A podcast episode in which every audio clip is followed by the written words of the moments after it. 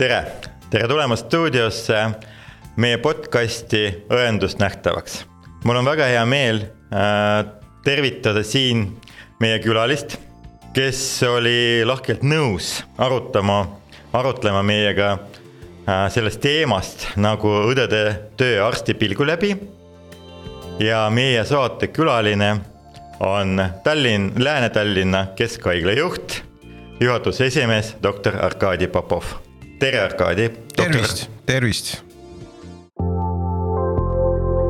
doktor Arkadi Popov on lõpetanud tuhande üheksasaja üheksakümne viiendal aastal Tartu Ülikooli ravieriala ja õppinud Peterburis psühholoogiat. ta on algatanud mitmeid olulisi projekte, nagu näiteks Eesti telemeditsiini projekt ja Kopteri projekt Popov on korraldanud mitmeid kriisiõppusi nagu Pandora ja Pattaya tuul. Kahekümne neljandal märtsil kaks tuhat kakskümmend määrati Popov ametisse Terviseameti kriisistaabi hädaolukorra meditsiinijuhina ja alates viiendast detsembrist kaks tuhat kakskümmend juhib ta Lääne-Tallinna Keskhaiglat. Arkadi Popov on Eesti Erakorralise Meditsiini Arstide Seltsi ja mittetulundusühingu Eesti Kiirabiliidu juhatuse liige ning minu kaassaatejuht on siis Tallinna Tervishoiu Kõrgkooli õendusõppetooli juhataja Kristi Puusepp. tere kõigile. täna me arutleme väga huvitava teema üle äh,.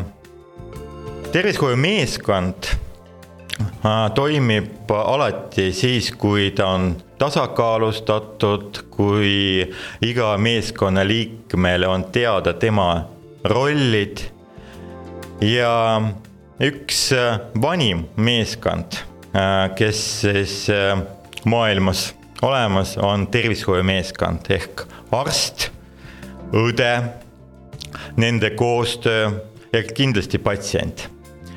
ja täna me arutame just selle teema üle, et kuidas arstid näevad. kes on õde? õde on inimene alustame sellest, et äh, iga õde on inimene ja tal no, olemas omad õigused ja, aga samas ka kohustused. aga noh, siin on tõesti, äh, võib filosofeerida natukene, et äh, õde ja patsient, õde ja arst, õde ja õde, õde ja hooldaja, et äh, siin on väga erinevad, erinevad vektorid, mis on siin mängus ja ma ikkagi sooviksin pigem alustada sellest vektorist nagu õde ja patsient ma arvan, et see on kõige olulisem nendest, mida ma siin mainisin ja eelkõige sellepärast, et patsient, kes tuleb haiglasse või juhul, kui ta tuleb näiteks tervisekeskusesse arsti juurde, küll arsti juurde jah, või kui tema juurde tuleb kiirabi koju. üldjuhul esimesena, kellega ta puutub kokku ja sageli ka tegelikult viimasena, on ikka õde õde võtab vastu patsiendi triaažis, EMO triaažis, õde tuleb enamasti kiirabiga tõesti koju patsiendi juurde ja tegeleb tema tervisemurega õde ööpäevaringselt osakonnas, kui patsient viibib seal ravil ja tema reageerib patsiendi muredele. ja õde on see, kellega patsient suhtleb tunduvalt rohkem kui arstiga arst orienteeritud sellele, et püstitada patsiendile õige diagnoos. arst orienteeritud sellele, kuidas ordineerida õiget ravi ja samal ajal muidugi on oluline, et arst ka suhtleb haigega. aga eelkõige arstil on oma huvi, kui ta suhtleb patsiendiga, see huvi on suunatud konkreetsele, konkreetse eesmärgi täitmisele. ja see eesmärk, patsient peab paranema ja, ja selle arst lähtub, ehk ta korjab informatsiooni, ta räägib õigeid asju haig-, patsiendile. Aga õde on see, kes eh, ei räägi mitte ainult eh, õigeid asju, mis puudutavad patsiendi seisundit, patsiendi raviprotsessi.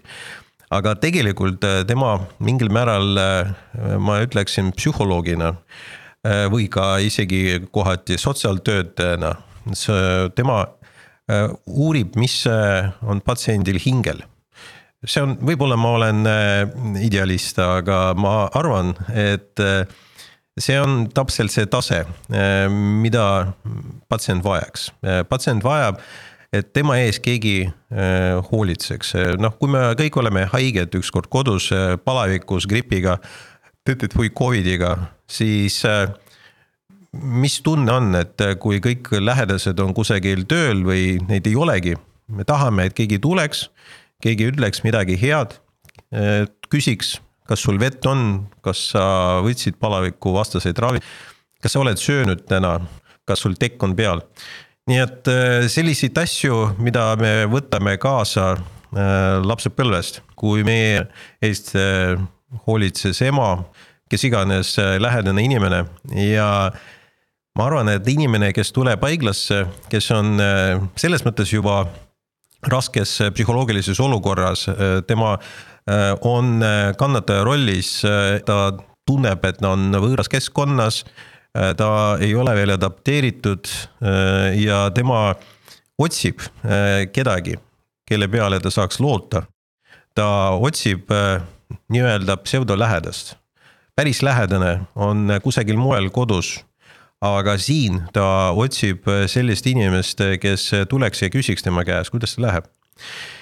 Kui seda teeb arst, see on suurepärane, aga kui seda teeb lisaks veel valvejooksul õde ja regulaarselt, kui tekib selline hea kontakt patsiendi ja, ja õe vahel ma arvan, et see on ülioluline, siis haiged parenevadki kiiremini ja siis nad tunnevad ennast haiglas turvalisemalt ja nendel on eh, noh, kindel positiivne meelestatus, et eh, keegi muretseb nende pärast ja see on ju suurepärane tunne, kui sa tead, et jah, nii ta ongi. nii et eh, minu jaoks on esimene punkt, millest me alustasime, see esimene vektor ongi õde ja patsient. ja ma arvan, et inimene, kes tuleb meditsiini, kes äh, otsustas, et äh, tema jaoks äh, kõige olulisem eriala maailmas, millele ta tahab oma elu pühendada, on meditsiin, tervishoid ja õendus, võiks mõelda eelkõige just sellele aspektile. milline mina olen patsiendi vaatevinklis, mida ma saan teha head patsiendile, tema heaks ja, ja kuidas me koos äh, teiste kolleegidega haiglas või kus iganes brigaadis, äh, kiirabibrigaadis äh, hoolitseme meie patsientide eest. See on number üks, ma võin pikalt rääkida ja filosofeerida teiste vektorite üle, aga mm, noh, eks me võime diskuteerida. Väga hea.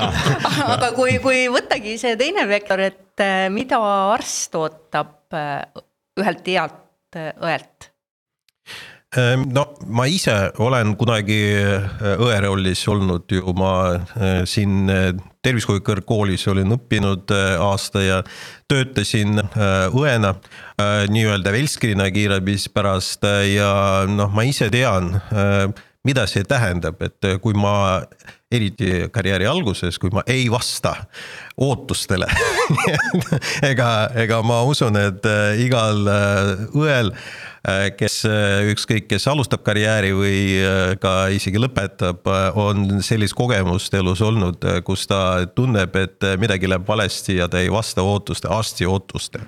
see on ju katastroof ausalt öeldes, et noh, ma, ma ei taha üle dramatiseerida.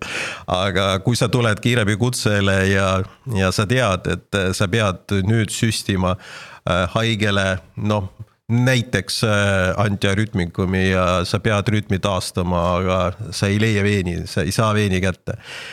või sul ravim läheb äh, naha alla ja kõik on valesti ja veenid on väga halvad ja, ja sa tunned, et sa ei saa selle tööga hakkama, et äh, oo õudus ja patsient ei parane sellepärast, et sina äh, oled väga kohmakas, nii et äh, mida veel hullem võib olla. aga see tegelikult äh, toob kaasa seda, et see stimuleerib, stimuleerib arenguid ja mitte keegi ei taha selles nahas olla.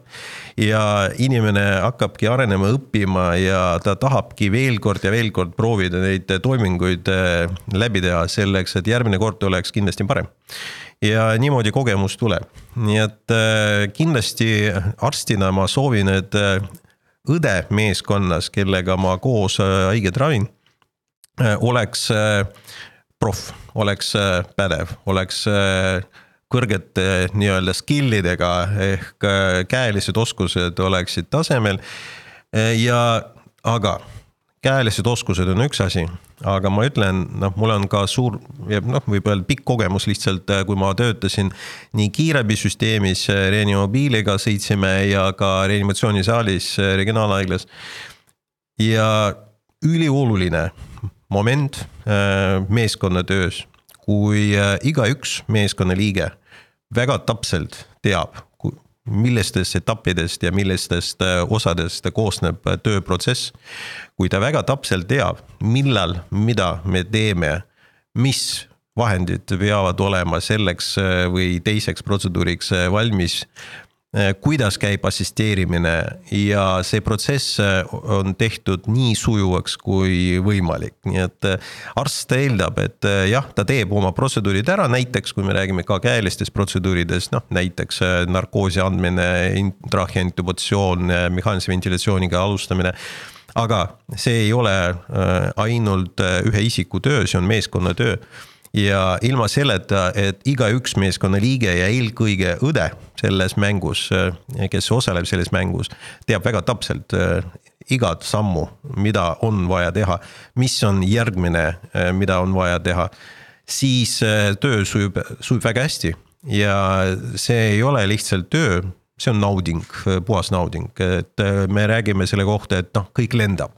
jah, tõepoolest kõik lendab, kui arst ei pea isegi ütlema midagi, sest õde juba eelnevalt teab, et jah, plevradrenaaži jaoks on vaja need, neid, neid asju õige asend patsiendile, õige, õiged asjad on juba valmis pandud ja õige, õigel hetkel oskuslik äh, õe käsi on õiges kohas ja, ja protseduur sujub. nii et äh, see, see ongi äh, ka muidugi nii kogemuse küsimus, aga ka väljaõpe ja mõnikord seda ka samamoodi saavutatakse läbi selle, et mõni närviline kolleeg võib ülemääraselt reageerida, et noh miks inimene valel, vales kohas valel ajal ja miks asjad ei suju nii hästi ja seda võime öelda selle kohta, et jah, elu õpetab ja, ja see on valus, aga teiselt poolt äh, ma arvan, et veelgi parem, äh, kui see protsess on korraldatud läbi koolituse ja kui on olemas pädevad kolleegid, kes A ühelt poolt panevad kokku vahest vajalikke juhendeid, juhiseid kes viivad läbi koolitusi, kes äh, teevad simulatsioone, äh, kes hoolitsevad selle eest, et äh, sina, noor kolleeg, oleksid ka pädev mõne aja pärast, samamoodi nagu teised kogenud kolleegid. ja ei tunneks konkurentsi, nii et jah, arst õudselt vajab õdesid ja, ja õudselt vajab just neid, kes tunnevad, mis on järgmine samm raviprotsessis või diagnostilises protsessis ja ennustades seda, teevad kõik endast oleneva selleks, et see protsess sujuks äh, äh, väga hästi ja, ja see oleks edukas. Jah, et siin kohapeal mina ka intensiivõena olen äh, doktor Popoviga väga nõus, sellepärast et ka minust on saanud intensiivõde peale noh koolituse, pideva koolituse kui ka äh, praktika äh,, mis nagu annabki seda tunnet, sa tunned süsteemi, sa tunned inimesi, sa tunned äh, protseduuri käiku ja, ja mis siin salata, et tegelikult meeskonnas äh, tihti on äh, Äh, hoopis teine, teised suhted omavahel, kui, kui arst usaldab mind kui õde, mina usaldan arsti, ma tean, et äh, meil ei teki äh, noh, vaidlusi või, või, või mingi ja, ja tegelikult on väga tähtis see usaldus, noh, usaldus kolleegide ja, ja meeskonna liikmete vahel. on arstid, on õed, hooldajad, kus mina saan ka usaldada inimest, et jah, tõesti, et ja, ja Äh, ma olen ühes, ühes podcast'is juba öelnud välja, et äh, kui sa ei tea, siis sul peab olema nii palju julgust tunnistada, ma seda ei tea. Ja, ja siis kolleegid tulevad appi ja, ja järgmiseks korraks sa teed endale selgeks, äh, millist, millist nagu, kas tegevus või, või mis sul nagu oli tegemata või õppimata. et selles mõttes see ongi koostöö nimel ja, ja veel kord ütlen, nii arst kui õde, me kõik oleme äh, patsiendi nimel äh, koos äh, tegemas seda tööd ja eriti loomulikult äh, ja doktor Arkadi Popov on erakorralise sellise see meditsiini esindajana, kus on iga hetk, iga sekund võib maksta patsiendile elu. ja samamoodi kõik õed intensiivravi valdkonnas ja EMO-s on sellist väljaõppe äh, saanud. aga kindlasti, et tänapäeval on ka palju õdesid, kes äh, valivad noh, võib-olla teist teed. näiteks me räägime õe vastuvõtuteenus et äh, ise, selles mõttes iseseisev statsionaarne abi. et noh, vot need uued, uued niinimetatud õendusvaldkonna arengud on viimasel ajal väga jõuliselt, et doktor Popov, mis te arvate, et äh, kui suur roll näiteks õel näiteks olla patsiendil mingi mingi diagnoosi puhul teekonnajuht, kes äh, viib seda patsiendi mööda seda haigust või ja, ja osutabki õe vastuvõtuteenus. Äh, õe vastuvõttu või, või õe iseseisev statsionaarne abi. et mis, mis nende roll on? Oi no see on äh, täiesti asendamatu. Äh, kui, kui me räägime tõesti statsionaarsest õendusabist äh, või ka kodune ravi näiteks ka, et kodused visiidid, seal no oleme ausad, arsti pannus on üli tagasihoidlik. arst reaalselt külastab patsiendi, noh üldjuhul üks kord nädalas, vahest sagedamini või vastavalt vajadusele, aga pigem äh, arst äh, tõesti tuleb, räägib haigega ja, ja ravi käib ja üldjuhul ravi on juba määratud äh, haigele aktiivravist. ja, ja kõik muu, äh, kõik muu ongi see osa, kus panustavad õed mis tähendab seda, et statsionaarses õendusabis sisuliselt õed on olukorra maja peremehed ja või perenaised ja et äh, nii ja naa, kuidas me võtame. ja, ja siin äh, see vastutus äh, on ülisuur.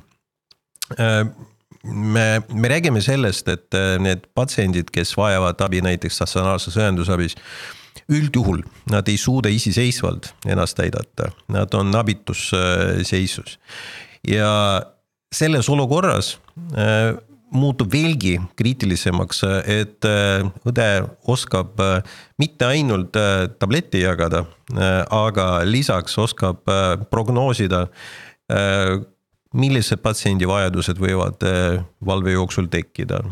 millised on tema mured, kui patsient ei räägi ise näiteks, kuidas aru saada, et haigel on seisundi muutus, et haigel on kaebused, kui haige on näiteks afaasias haige ei saa rääkida peale insulti ja ta on voodipatsient, voodihaige, voodikeskne. tal ei ole mitte kellegi peale loota enam.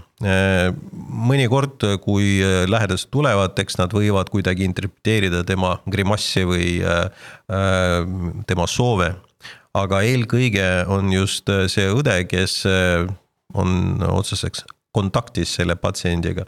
ja peabki aru saama, et sellel haigel on tõesti kõhuvalu või valuring keres või ta, või tal on mingi muu häda või pea valutab. nii et, et õde muutub selles rollis, no ma ei saa öelda, et ekstrasensiks, aga ta tõepoolest professionaalne inimene, kes selles valdkonnas töötab, ta on täiesti omaette spetsialist, kes näiteks äh, noh, väga sarnane kogenud arstiga kohati, kes äh, oskab panna diagnoosi niimoodi käigu pealt, kui ta näeb patsiendi esimest korda.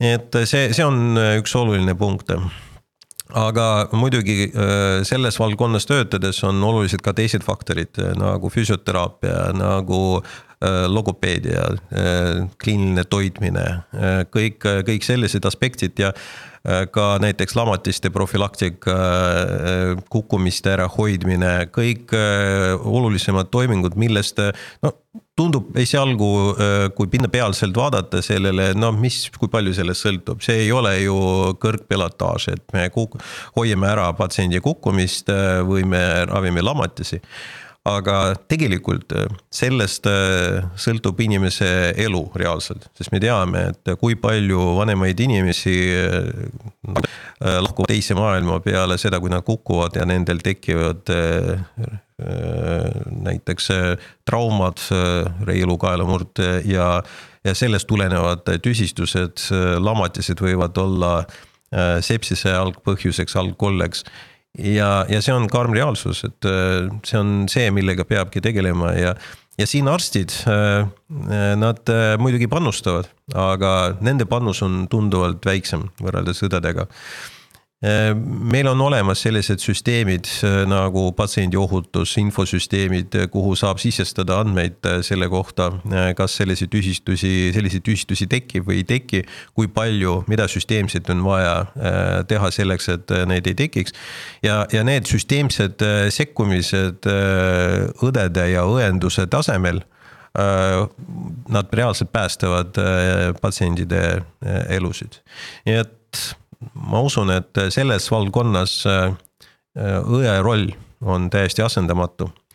ja, ja sama muidugi asendamatu on ta iseseisva äh, vastuvõtu puhul. Äh, täna me juba väga kindlalt võime väita, et näiteks erakorralise meditsiini keskuses me tunneme puudust iseseisva õe vastuvõtu järgi triaažiõde on triaažiõde, kes prioritiseerib, paneb prioriteedi paika, mis järjekorras äh, osutakse abi patsiendile. aga triaažiõel selle keerulise ja, ja kiireloomulise protsessi juures ei ole võimalik äh, rohkem süveneda patsiendi probleemidesse selleks, et äh, patsiendi suunata kuidagi Äh, õigele teekonnale äh, tervishoiusüsteemis.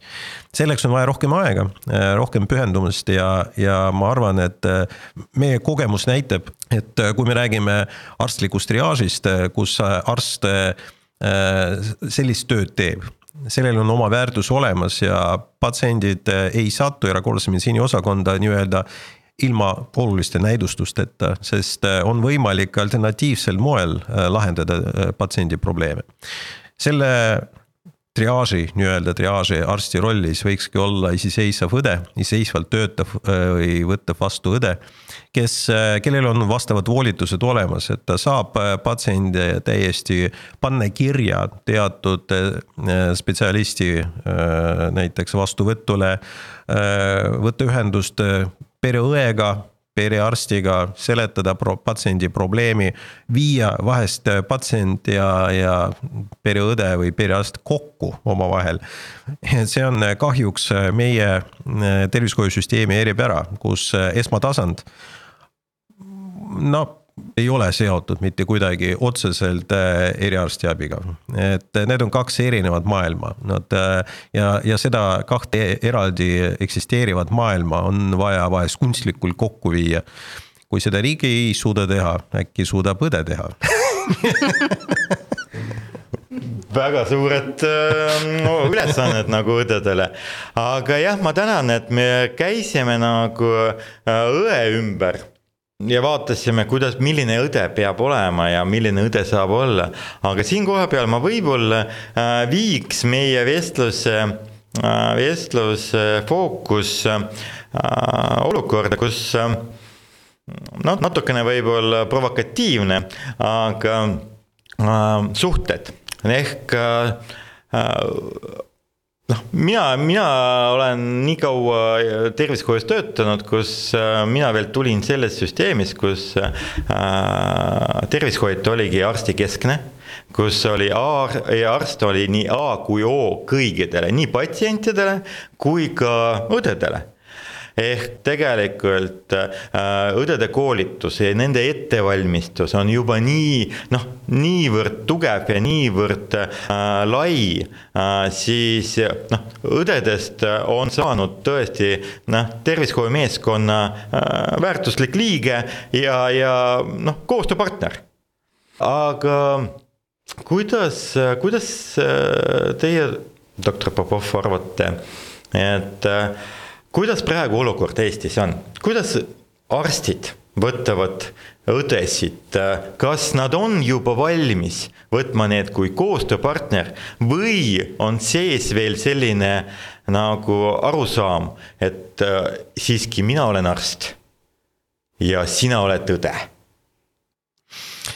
ei no oleme ausad, üks on arst, teine õde, on ju olen. et, et on õieti aru saanud. nagu isa on isa ja ema on ema aga okei okay,, et äh, ma pean ütlema, et see on ikkagi seinast seina ja, ja see olukord on meil praegu tervishoiusüsteemis väga-väga äh, äh, tugevasti oleneb mentaalsusest. selline vanamoodne mentaalsus on siiamaani säilinud, et ma üldse ei välista seda ja ja tegelikult äh, siiamaani kõik äh, või paljud arvavad äh, teatud kohtades, et äh, jah, õde justkui allub arstile ja samas äh, me täna teame, et ei allu otseselt üldse mitte kuidagi, et need on kaks paralleelselt äh,, äh paralleelselt maailma, noh, mingil määral, mis toetavad üht-teist ja töötavad sünergias. aga iseenesest äh, mõnikord ma seda veel näen äh, teatud kolleegides äh, ja, ja pigem ma ütlen, et see on ikkagi selline individuaalne probleem. Äh, ühelt poolt vana arstide, vana generatsioon, kes alustasid karjääri noh, kelle, kuhu mina veel kuulun ka ilmselt juba, et kes oma arstlikku karjääri alustasid kaheksakümnendates aastates. noh, nii-öelda vana süsteemi juures siis oli äärmiselt levinud, et äh, praktiliselt kõik arstid äh, töötasid õdedena. nagu noh, ka mina nagu töötasin sanitaarina, õena ja, ja mis iganes pärast. ja arstid olid õe rollis vähemalt teatud aja jooksul oma karjääri, karjääri alguses.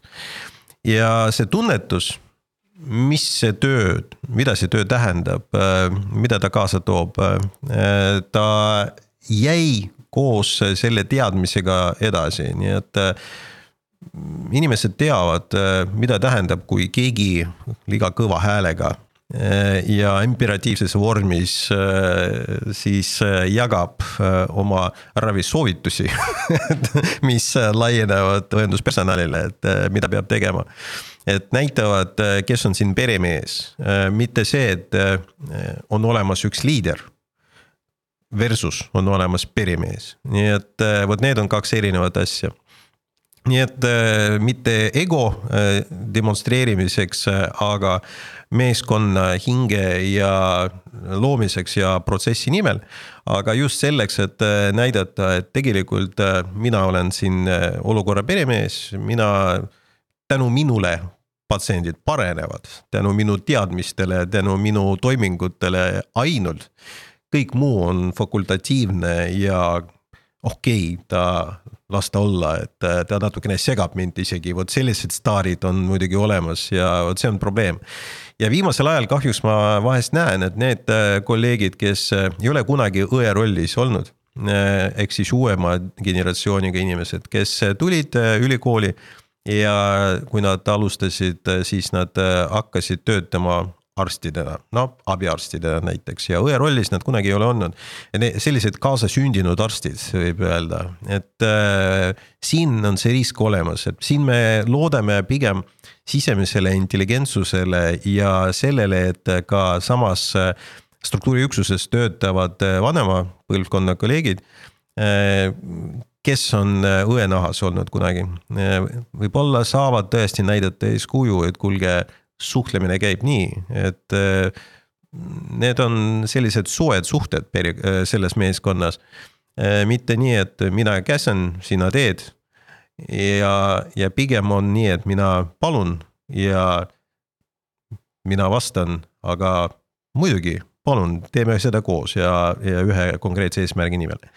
vot selline meeskonnatöö on äh, ülioluline nii et aga jah, et äh, õed muidugi peavad ennast äh, ka noh, kehtestama, et aga õdedel on olemas ja peavad olema omad rollid, mis on paika pandud on olemas ametijuhendid, kus see kõik on ka kirjas, nii arstidel kui ka õdedel.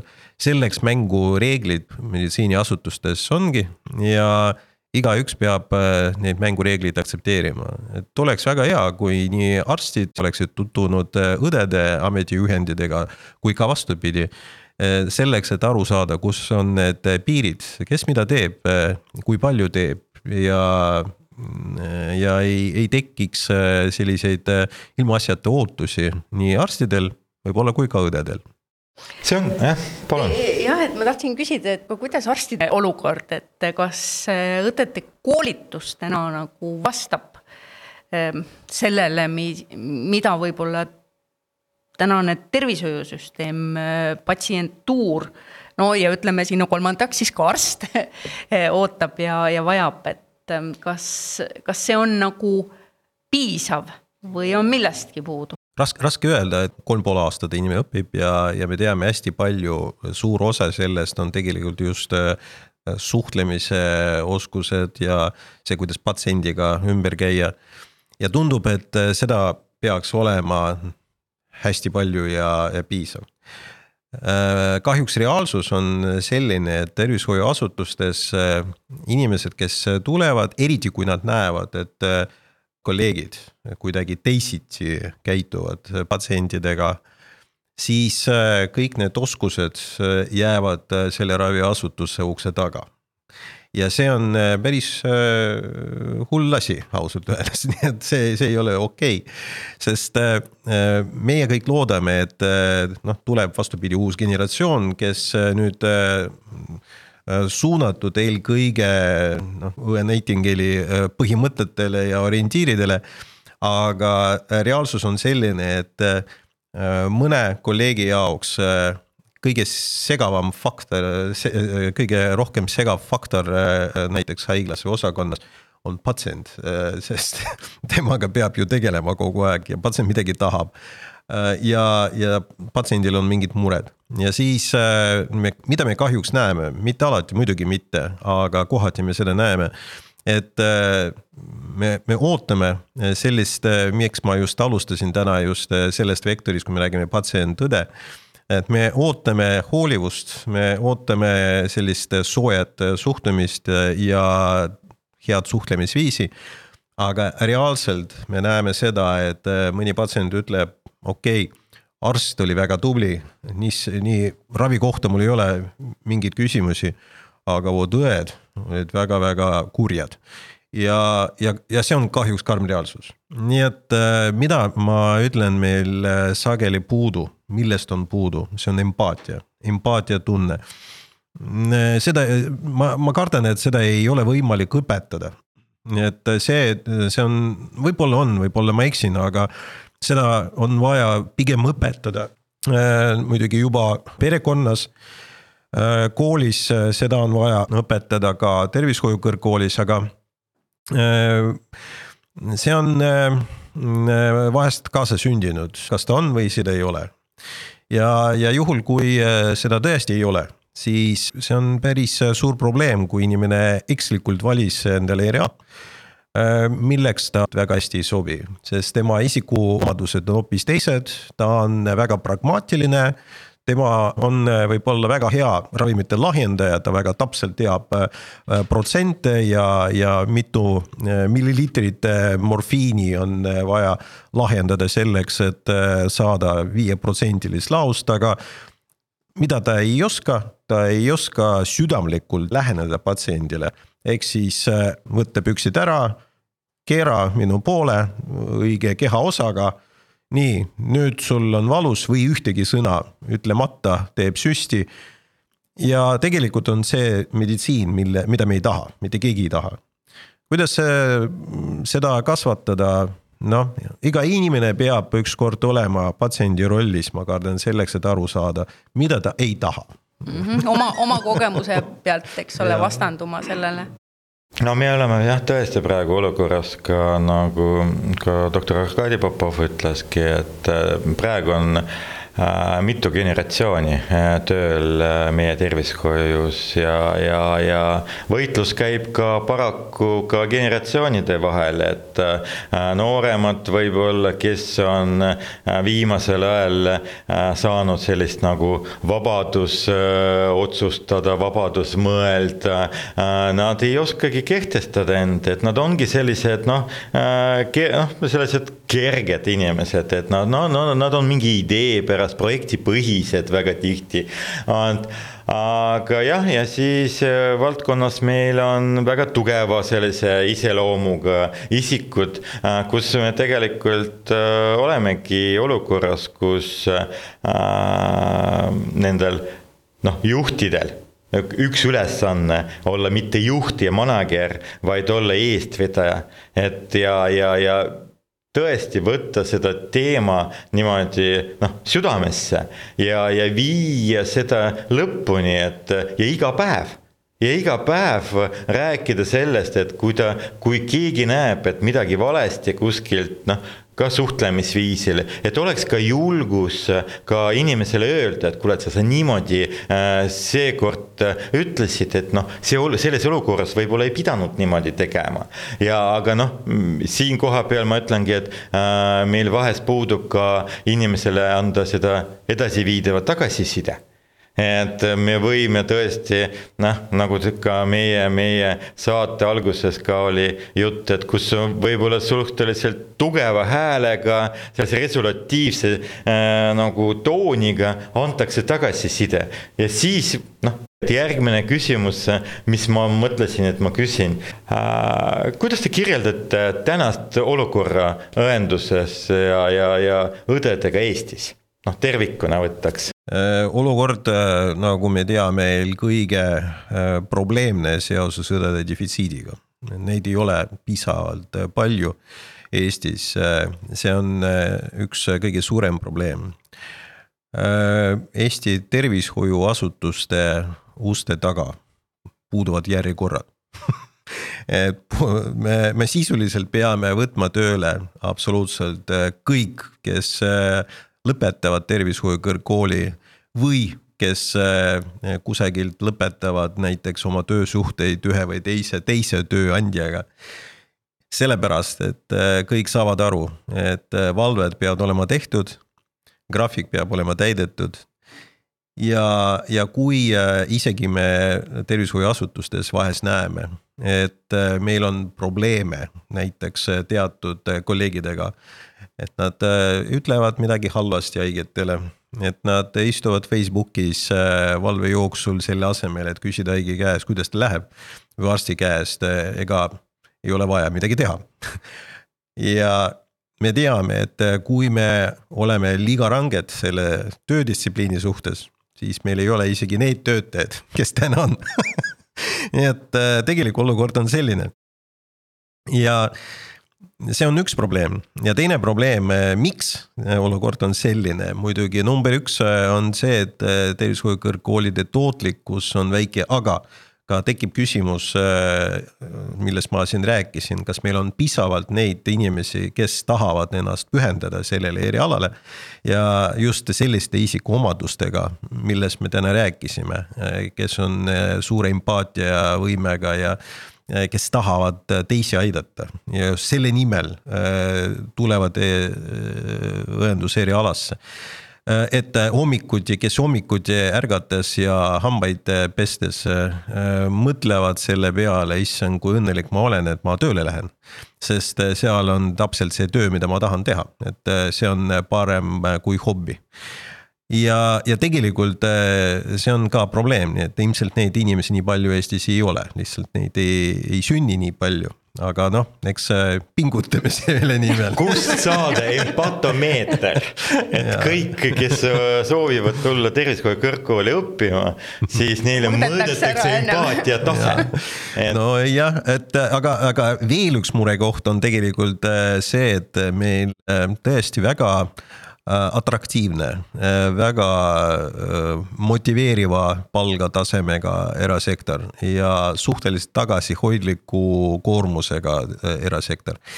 ja, ja see on teine murekoht meie riikliku tervishoiusüsteemi jaoks, sest õed, hästi paljud õed tegelikult ei plaanigi üldse ennast siduda kuidagi te riikliku tervishoiuga ja kohe karjääri alguses või isegi õppides veel tervishoiu kõrgkoolis juba mõtlevad selle peale, et aga noh ega ma loll ei ole selleks, et äh, minna äh, riiklikusse haiglasse kuhugi, äh, sest seal on ju needsamad nõudlikud patsiendid, kellel on mured, tervisemured. nii põnev arutelu, nii mõnus olek on meil siin ruumis ja ka aeg surub peale ja, ja ma usun, et me võiks rääkida veel rohkem ja palju ja, ja väga huvitavat teemat ja aitäh, Tallinna Keskhaigla juht juhatuse esimees doktor Arkadi Popov, saatejuhid Kristi Puusepp ning Aleksei Kaidenko. aitäh, kuulajad